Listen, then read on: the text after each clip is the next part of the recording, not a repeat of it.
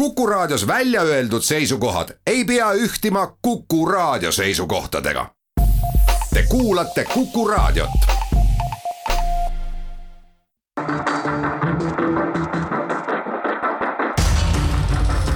muuli ja Aavik. muuli ja Aavik tere päevast, kell on kaheksa minutit üle üheteistkümne, algab saade Muuli ja Aavik, nagu reedeti ikka. stuudios on Kalle Muuli ja Mart Jaavik. tere.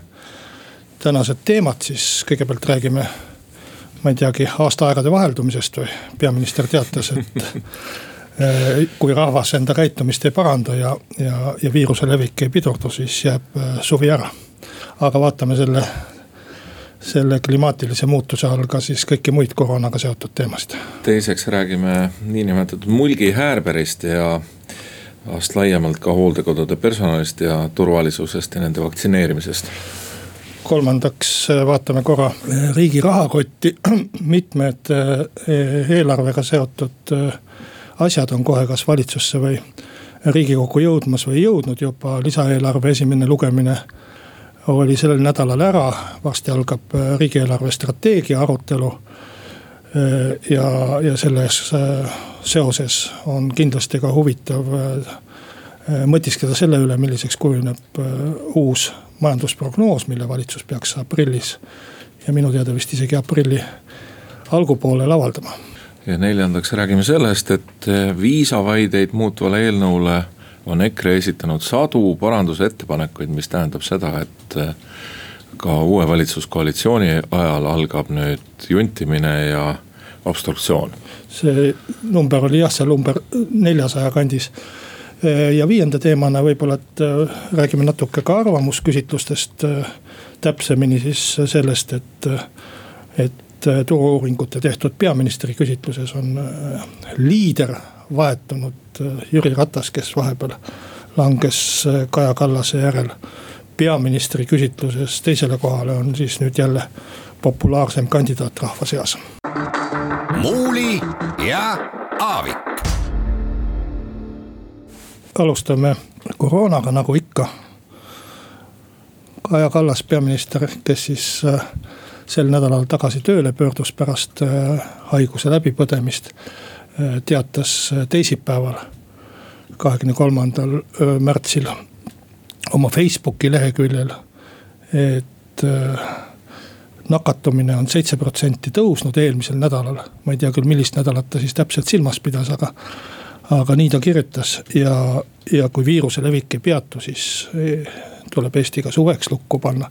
noh, selline ähvardav, hirmutav ja, ja ma ütleksin ka toon, mis äh, ütleb, et noh, mina ei saa siin midagi teha, mina ei ole milleski süüdi, aga teie ise olete süüdi selles, kui suvi jääb ära nojah, ühtpidi on see ju meeldejääv kujund, vaata meiegi räägime siin sellest suvi jääb ära ja, ja kindlasti saaks siin mõnusalt nalja visata selle üle, et.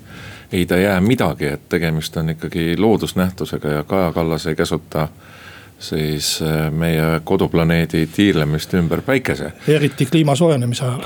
eriti, just, just, aga aga ma arvan, et see on lihtsalt märk sellest, et meil ikkagi see riigi kommunikatsioon ja, ja riigi plaanid, kuidas rääkida ja kuidas mõelda sellest äh, koroonaviiruse levikust ja selle peatamist ja kõigest sellest on noh, kuidagi ebasüstemaatiliselt, midagi seal on longanud.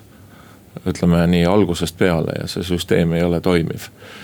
ja noh, palju on ju räägitud ka sellest, et eh, kas ikka peaminister peaks üldse selliseid olulisi sõnumeid andma eelkõige sotsiaalmeedia kaudu, nii nagu Donald Trumpiga hirmsasti pahandati, et ainult Twitteri konto kaudu sa saadi teada, mis ta, mida siis valitsus mõtleb ja ilmselt ei peaks jah, mina arvan, et ei peaks, et äh, ikkagi valitsuskommunikatsioon on tõsine asi ja. ja peaks kasutama oskuslikult kõiki kanaleid, aga eelkõige tulema oma sõnumitega välja ikkagi ametlikus vormis, tegemist on ju peaministri, mitte ütleme niisugust geriljasõda pidava äh, üksikpoliitikuga, eks. noh, seal võib veel küsida ju tegelikult ka seda, et kas see, kuidas see sõnum nagu tekib. kas see tõesti tekib nii, et Kaja Kallasel ühel hetkel palavik läheb veidi väiksemaks tuju paremaks, eh, töövõime taastub nii palju, et ta läheb arvuti juurde. ja siis eh, teadusnõukogu materjale iseseisvalt kasutades tipib midagi arvutisse, tuleb nagu tuleb. või see on tõesti mingite kommunikatsiooniinimeste või teadusnõukogu mõne nõustaja poolt eelnevalt läbi vaadatud, et see, mida ta postitab praegu, tundub küll nii, et selline peaministri vaba improvisatsioon sellest äh, materjalist, mis talle on kättesaadav olnud või kuidas tema parajasti on seda äh, mõistnud. Ja selles mõttes on see minu meelest äh, üsna halb asi, et, et terve hulk inimesi on ju palgatud meie raha eest selleks, et nad valitsuse sõnumit hoiaksid sirge, selge ja, ja kui neid ära ei kasutata ja selleks tööks ja, ja ei panda seda peaministri sõnumit siis siluma, lihvima kooskõlastama kõigi teiste sõnumitega ja vaatama ka ütleme sellisest kommunikatsiooni poolest läbi.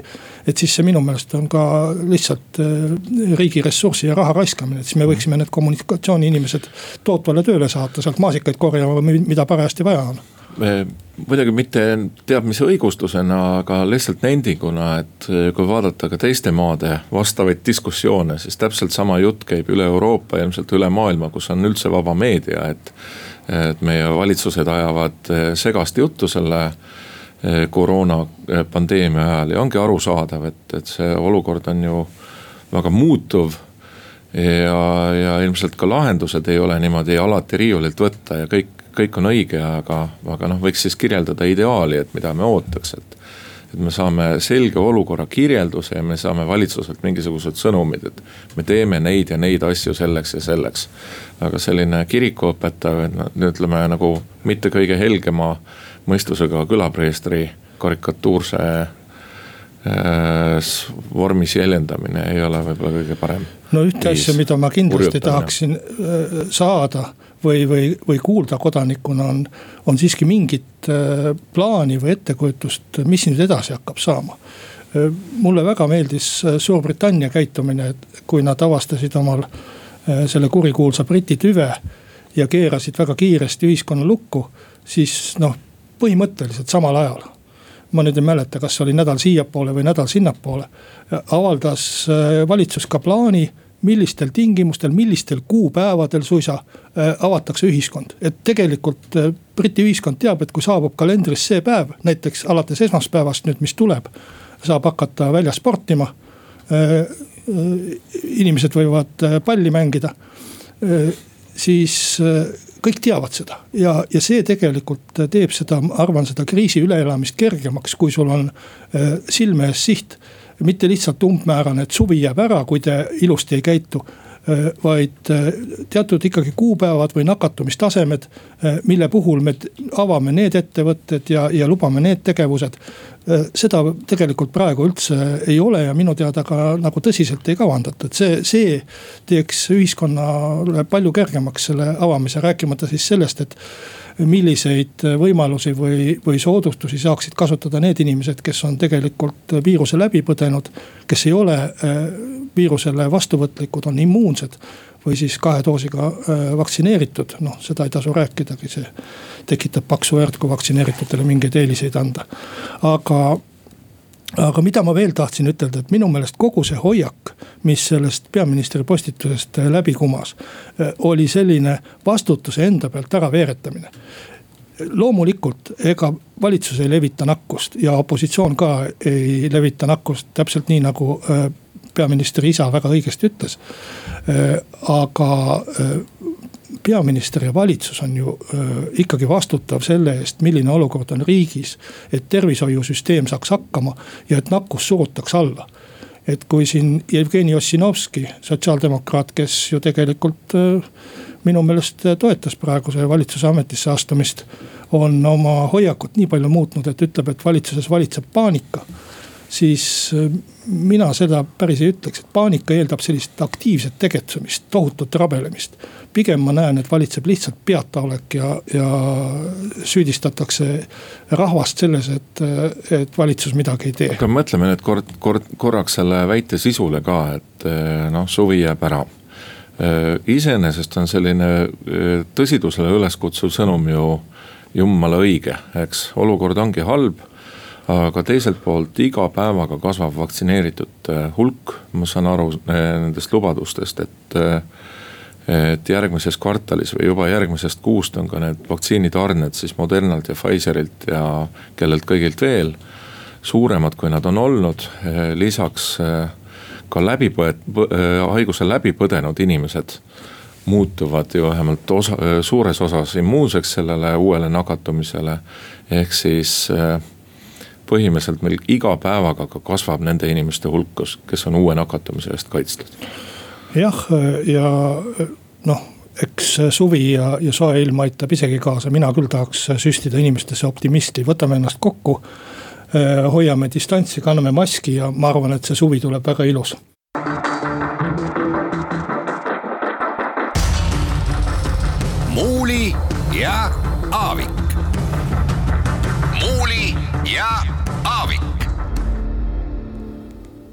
Enne järgmise teema juurde asumist mainiks veel seda, et äh, Euroopa Komisjon on siis lõpuks ajanud selja sirgu ja, ja astunud samme selleks, et äh, Euroopal päris nahka üle kõrvade ei tõmmataks vaktsiinide ekspordiga seoses, et äh, meie head sõbrad ja head liitlased, Ameerika Ühendriigid ja Ühendkuningriik on seisnud vaktsiini asjades oma rahva eest, aga Euroopa Komisjon on olnud noh, ütleme siis selline kogenud kaupmeestega asju ajades natukene sinisilmne. Marti, selg on sirgu nüüd küll, aga nahk ripub juba ammu üle kõrvade eks ole selle asja kohta. ja, et äh, need arvud on tegelikult äh, ehmatavad, aga eks see võib-olla ongi niimoodi, et et vahel peaks seal poliitikute kõrval selliseid asju ajamas olema ka mõni kogenud pokkerimängija või, või kogenud kaupmees aga järgmine teema on see, et äh, on siis juhtunud äh, Hallistes Mulgimaal, Mulgi Häälperi nimes hooldekodus see, et, äh, et nende patsiendid või hoolealused, vanemad inimesed on saanud koroonanakkuse. sealt on kaebusi, et need inimesed on olnud hooldamata ja mitu inimest on nüüd ka surnud. noh see on, see on üks selline võib-olla kõige selline ütleme traagilisem juhtum, kus nüüd on algatatud kriminaalasi isegi uurimiseks ja seal ei ole ainult ju asi koroonas. et äh, Viljandi haigla tegi äh, äh, uurijatele või prokuratuurile avalduse. kus ta juhtis ju tähelepanu seda ka, et need hoolealused olid hooldamata tegelikult, nad toodi küll Äh, koroonaga või, või mingisugustel sellistel äh, haiguslikel põhjustel äh, kiirabiga haiglasse ja siis selgus seal igasuguseid muid asju, et neil ei ole, ei olnud isegi juua antud, et need, nad olid lamatistega ja, ja, ja järelikult hooldamata. ja tõenäoliselt ka hoiti neid lukus uste taga. Aga minu meelest me võiksime seda teemat natukene äh, laiendada. Eestis on üle kahesaja või, või kahesaja kandis neid hooldekodusid, mis on nüüd tekkinud. ja, ja kui vaadata seda järelevalve olukorda, siis mu meelest äh, noh halb on see, et hooldekodudes on väga, väga mitmes hooldekodus on äh, asjad halvasti, aga hea on see, et see koroona on välja toonud selle äh, traagilise olukorra. meil on sotsiaalkindlustusametis järelevalveosakond, kus on kaksteist inimest ja mulle tundub küll, et sellest jõust ei piisa, et äh, teostada kontrolli üha laienevas hoolekandesüsteemis. et täpselt nii, nagu ma ütlesin siin prügimajanduse kohta, mitte et ma tahaks vanureid prügiga võrrelda. et äh, seal on jäetud äh, uuenevates olukordades piisavad kontrollimehhanismid tekitamata, on mul selline tunne, et meie hooldud, hooldekodudega on täpselt samasugune olukord. on väga erinevaid tasemeid ja, ja, ja mõnes kohas on ikkagi see tase allpool seda, mida me sellise arengu tasemega ühiskonnalt ootaksime. see on kindlasti tõsi ja kui korraks selle konkreetse juhtumi juurde tagasi tulla, siis eh, eelmisel kevadel vaatasime ehmatusega ja. ja noh šokiga seda, kuidas Hispaanias näiteks oli säärane juhtum, kus eh, hooldekodu töötajad olid põgenenud ja siis leiti hoolealused koroonasse surnud seal. Nüüd meil ei ole midagi endal sarnast, et, eh, et noh, ongi näide sellest, et kui on kui on äh, see pandeemia üle käte läinud, siis juhtuvad kõikvõimalikud õudused, aga eks siin on teisi, teisi probleeme veel sellele. ja akuutseid probleeme lisaks järelevalvele, et olen ka kuulnud, et on hooldushaiglates patsiendid süstimata siiski, mis tundub täiesti ebaloogiline, et ühtpidi ajavad perearstid telefonitsi taga neid vanemaid inimesi, kes istuvad ise, üksinda rahulikult kodus ja teistpidi on haiglates patsiendid, kelle äh, kaitsmine võiks olla lihtsalt kiire tšah-tšah äh, küsimise ja süstimise küsimus, aga, aga tean juhtumeid, kus see on tegemata ja, ja ütleme, siin on palju niisugust arusaamatut, ebaloogilist ja traagilist. no sealsamas äh, Halliste hooldekodus või peaks ütlema Mulgi Häärber, mis tema selline pidulik nimi on. et Eh, ka seal ju eh, kahtlustatakse seda, et lausa, eh, lausa hooldekodu juhataja tasemel on siis üles kutset, kutsutud või püütud neid hoolealuseid veenda, et nad ei laseks ennast vaktsineerida, no eks uurimine peab välja selgitama, kas see vastab tõele või mitte. aga mu meelest on ikkagi väga suur küsimus üldse see, et kas need inimesed, kes äh, hooldekodusid juhivad ja hooldekodudes äh, toimetavad ja hooldajad on, millised on nende nõuded nende ettevalmistusele, millised on äh, need noh, tingimused või, või oskused või, või, või haridus, mille järgi neid välja valitakse. et ma arvan, et see peaks olema palju täpsemini paika pandud, et, et see hooldekodu ju tundub jah niiviisi, et noh, vanurid elavad seal, mis seal ikka on, eks ju. vaatavad telekat ja, ja räägivad üksteisega juttu ja, ja on võib-olla seal sellise üldise hoole all, aga tegelikult need on ju ikkagi väga suurte terviseprobleemidega väga sageli ja, ja sisuliselt on ikkagi minu meelest peaaegu et meditsiiniasutusega tegemist, tervishoiuasutusega tegemist, ehkki formaalselt me nimetame teda teistmoodi, et seal, seal ei saa päris nii olla, et äh, suvaline äh, ja, ja nakkusohtu suvaliselt suut, suhtuvad inimesed siis juhivad seda hooldekodut ja toimetavad. nii et mitte keegi teine sinna juurde ei saa ja, ja, ja sotsiaalkindlustusameti kontroll Tallinnast no ka ei jõua kohale. äsja teatati just, et nad ei julge sinna minna, kuna kardavad nakkusohtu, no tere, tule talveaeg. no see on ju tegelikult läbi aegade olnud üks inimeste õudusunenägusid, et oma elu lõpul sattuda sellisesse hooldekodusse, kus asjad on halvasti.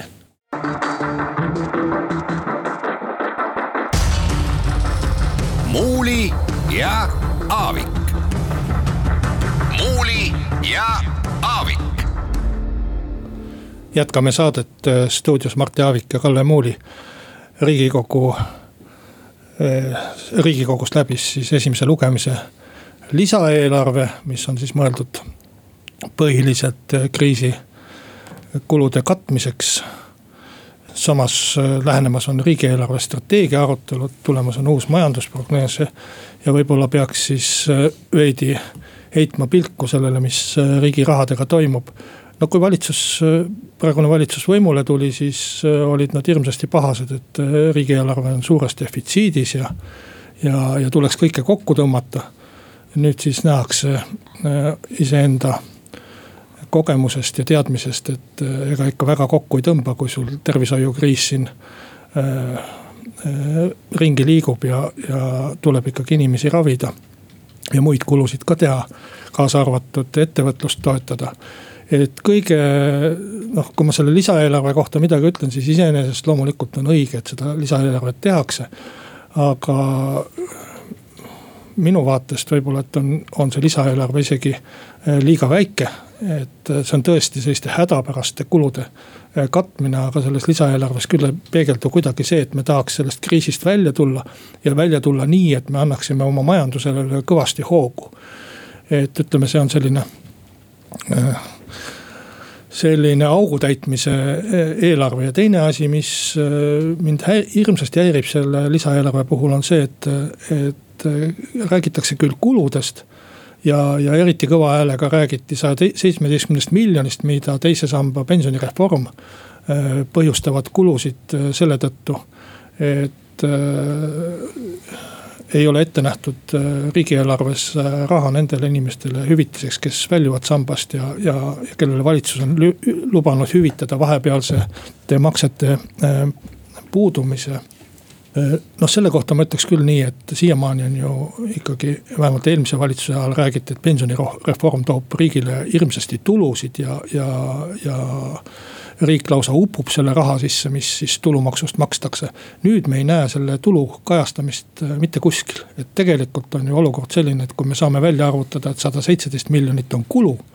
mis on kindlasti olemas, et see ei ole välja mõeldud, siis täpselt samuti me saame ju välja arvutada ka tulu, mida pensionireform toob, iga pensionisambast äh, väljuja ju maksab tulumaksu. millega sa siis äh, rahul ei ole, et äh, kas see peaks olema seal lisaeelarves kirjas, et oi kui äge, Isamaa tegi teise samba pensionireformi ja need sada tuhat inimest võtab oma raha välja ja riik saab tulumaksu. ma arvan, et äh, ma ei ole rahul sellega, et esiteks, et rahandusminister, minister teeskleb äh, üllatust, et selline asi üldse on olemas nagu saja seitsmeteist miljoniline kulu äh, minister, kes on tulnud riigikogust, teab väga hästi, millised on seadused, ta on ise nende seaduste poolt või vastu hääletanud. ta peab olema neid seadusi lugenud ka siis, kui ta on tahtnud neid seadusi tagasi lükata et rääkida, et see tuleb talle suure üllatusena, on, on kindlasti imelik ja teiseks.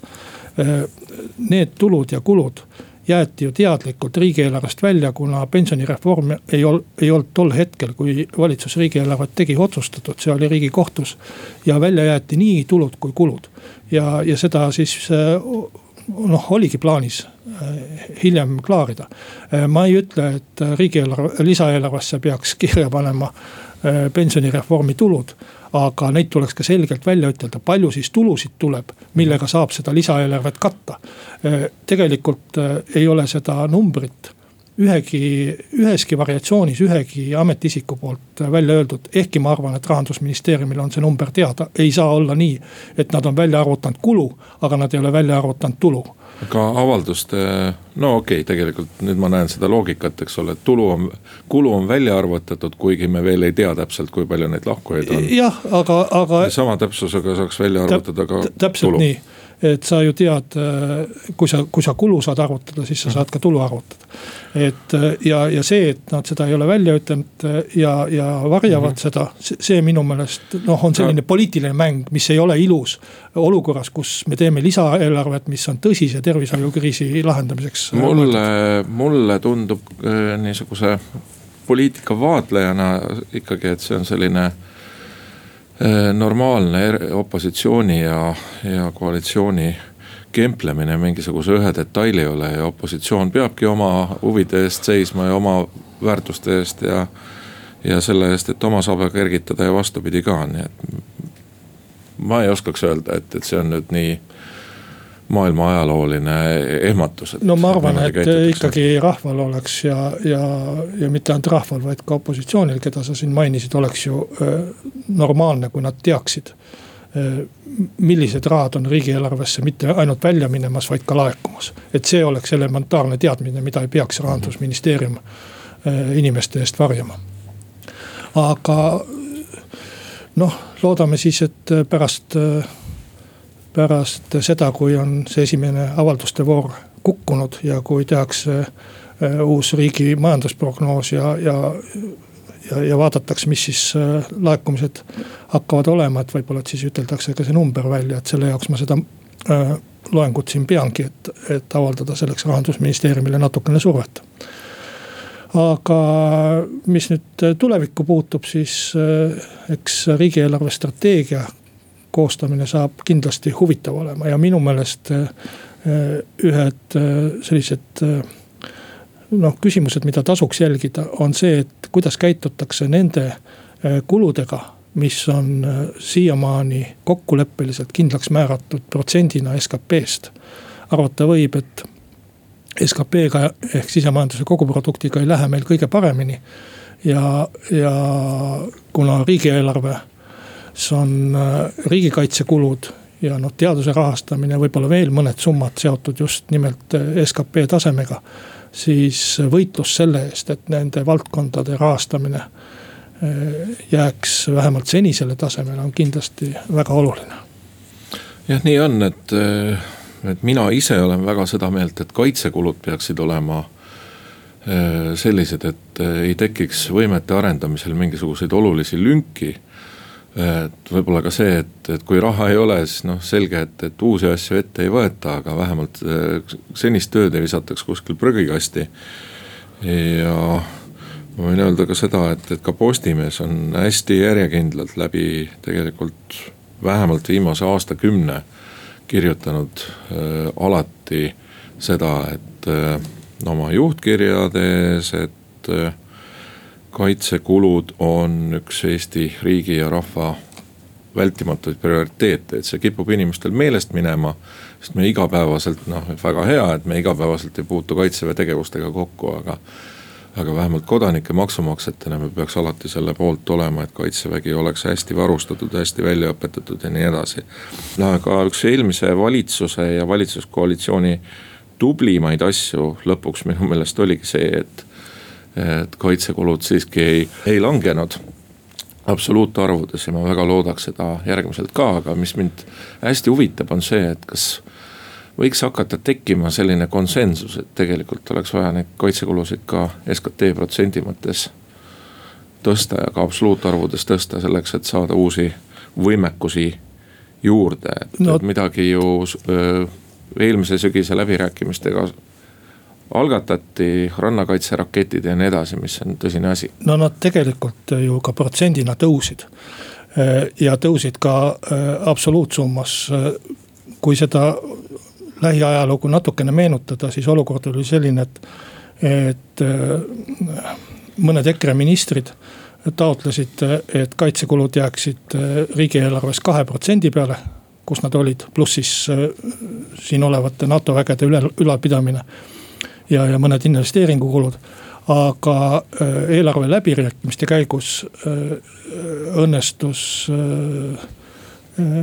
saavutada seda, et tegelikult ju praegu kaitsekulud äh, selle riigieelarve äh, järgi on umbes kaks koma kolm või isegi üle kahe koma kolme protsendi SKP-st ja nad tõusid ka absoluutväärtuses, ma nüüd peast summat ei mäleta, aga pakun, et kuskil neljasaja miljoni kanti oli see summa isegi. Äh, ja noh, kui, kui sedalaadi jätkata, siis minul on selle üle ainult hea meel Isamaal oli mitu suurt vaba, äh, äh, lubadust valimiskampaanias, üks oli teine, teise samba vabaks laskmine. teine oli äh, maksurahu, mida praegune valitsus väga hästi järgib, au ja kiitus. ja mida järgis ka eelmine äh, valitsus, aga üks suur lubadus meil oli tõsta äh, äh riigikaitsekulud kahe koma viie protsendini sisemajanduse kogutoodangust ja see lubadus oli mõeldud muidugi nelja aasta peale, pooleteist aastaga me jõudsime sellest ära teha eh, kahe koma kolme protsendi peale tõstmise ja, ja tegelikult ma arvan, et olukorras, kus skp väheneb. ja, ja see protsent oleks võimalik praktiliselt ära täita, võib-olla et isegi isegi absoluutsummas seda riigikaitsekulusid väga palju tõstmata või üldse mitte tõstes et see tuleks kindlasti ära teha ja, ja erakondade ülese kokkuleppena ka fikseerida need kõrgemad riigikaitsekulud. aga minu meelest täpselt sama tähtis või, või peaaegu sama tähtis.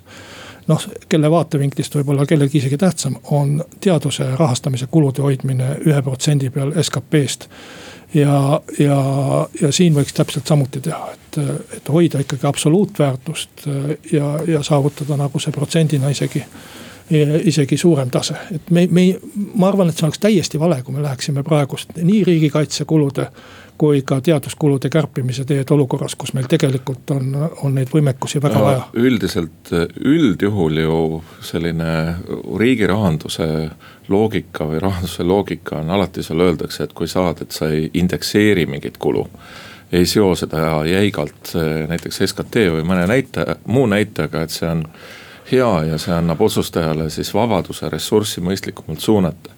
Aga on tõesti paar sellist kokkulepet, mis me oleme mõlemad ära maininud, riigikaitse ja teaduse rahastamine ja neid tuleks pidada, sellepärast et need on strateegiliselt olulised Eesti tuleviku jaoks, noh täiesti vältimatult.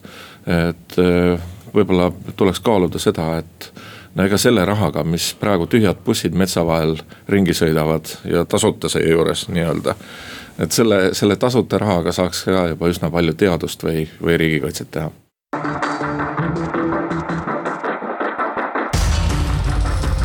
muuli ja Aavik. muuli ja Aavik. järgmiseks räägime sellest, et äh, EKRE on esitanud viisade vaidlustamise või viisa andmisest keeldumise vaidlustamise eelnõule mitusada, vist nelisada paranduse ettepanekut, mis siis tähendab seda, et algab pihta obstruktsioon. ja iseenesest see eelnõu, see mu, äh, muutus on ka ju sisuliselt äh, väga huvitav, eripärane ja tegelikult minu meelest, minu isikliku vaate järgi äh, vastuolus kõige sellega, mis me siiamaani oleme saanud õpikutest lugeda, et kuidas riigid käituvad ja. Ja et riigid on vabad otsustama selle üle, kes neile saab külla tulla ja kes ei saa. ja viisade väljaandmist ei ole eh, põhjendatud või eh, nagu seda, et miks sa ei luba kedagi riiki, ei ole tüüpiliselt nii, nagu mina aru saan, ka põhjendatud vaid seal võib olla mingisugune eriteenistuse info taga, seal võib veel midagi olla taga ja nüüd on siis Euroopa regulatsioon, mis äh, ütleb, et äh, välismaalane, kes tahab meile tulla, peaks saama kohtus vaidlustada, kui talle öeldakse sellele ei. noh, siin äh, minu teada, võib-olla ma ei ole väga põhjalikult süvenenud kõikidesse nendesse viisa nüanssidesse, aga minu meelest Euroopa regulatsioon nõuab äh, sellist äh, kohtus vaidlustamise võimalust ainult lühiajaliste viisade puhul. aga äh, meie lugupeetud valitsus on, on olnud siis paavstist paavstilikum ja, ja keevitanud sellesse eelnõusse ka võimaluse vaidlustada pikaajaliste viisade andmisest keeldumist. aga põhimõtteliselt ma olen sinuga nõus, et see peaks olema ikkagi riigi suveräänsuse küsimus ja ma ei kujuta küll ette, et, et kui Äh, minnakse kohtusse Eesti riigi vastu viisa äh, andmisest keeldumise pärast. et siis Eesti eriteenistused äh, hakkavad oma materjale seal esitama vastaspoole advokaatidele kohtulaua ees. ja, ja kuidagi kaitsma ja, ja me peame selles olukorras ju siis sisuliselt sõdima käed selja taha seotult, mitte välja andes oma riigi salajast informatsiooni. et hästi halb on see asi sisuliselt, aga aga väga halb on ta ka minu meelest propagandistlikum. see on, see on üks selline eelnõu, mille kohta ma ütleksin, et kui te tahate, et EKRE oleks väga populaarne siis tehke neid eelnõusid rohkem ja tehke kohe palju. ja, ja, ja saatke neid aga riigikogusse ja vaidlemegi äh, äh, selle üle, et ma arvan, et nagu sisuliselt ikkagi.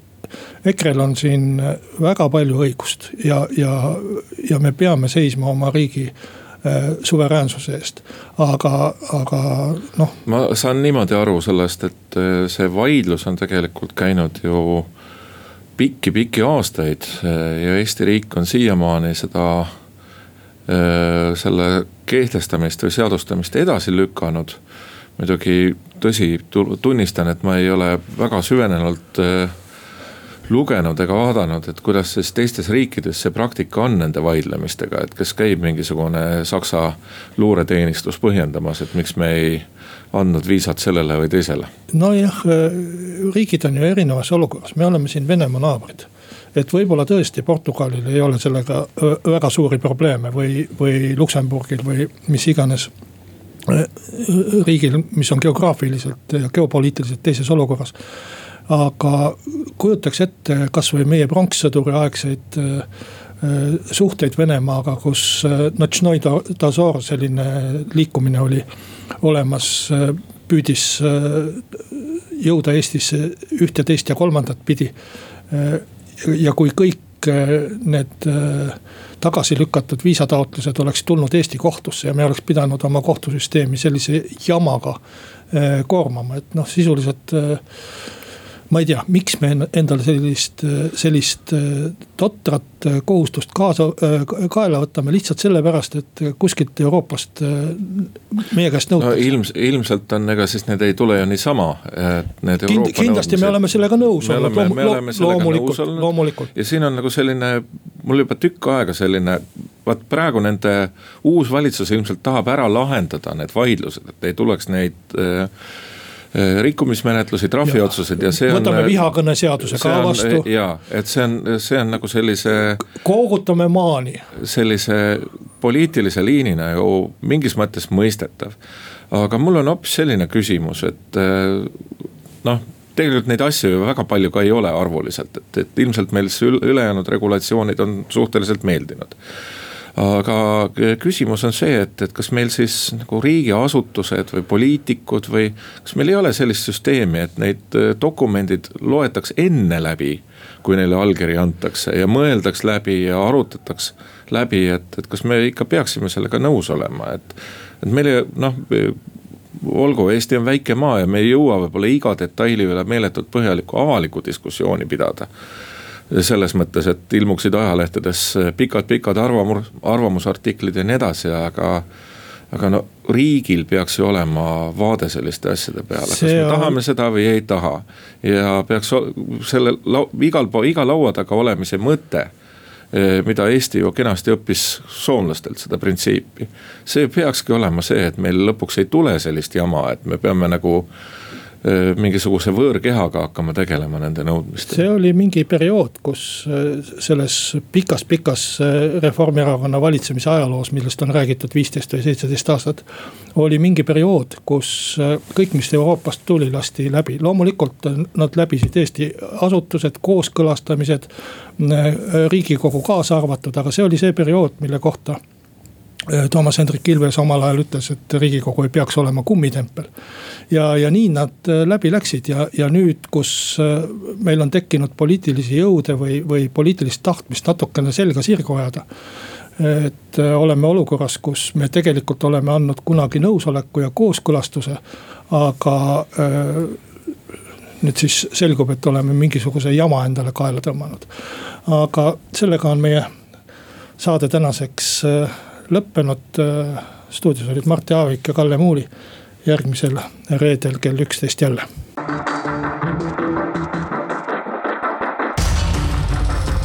muuli ja Aavik. muuli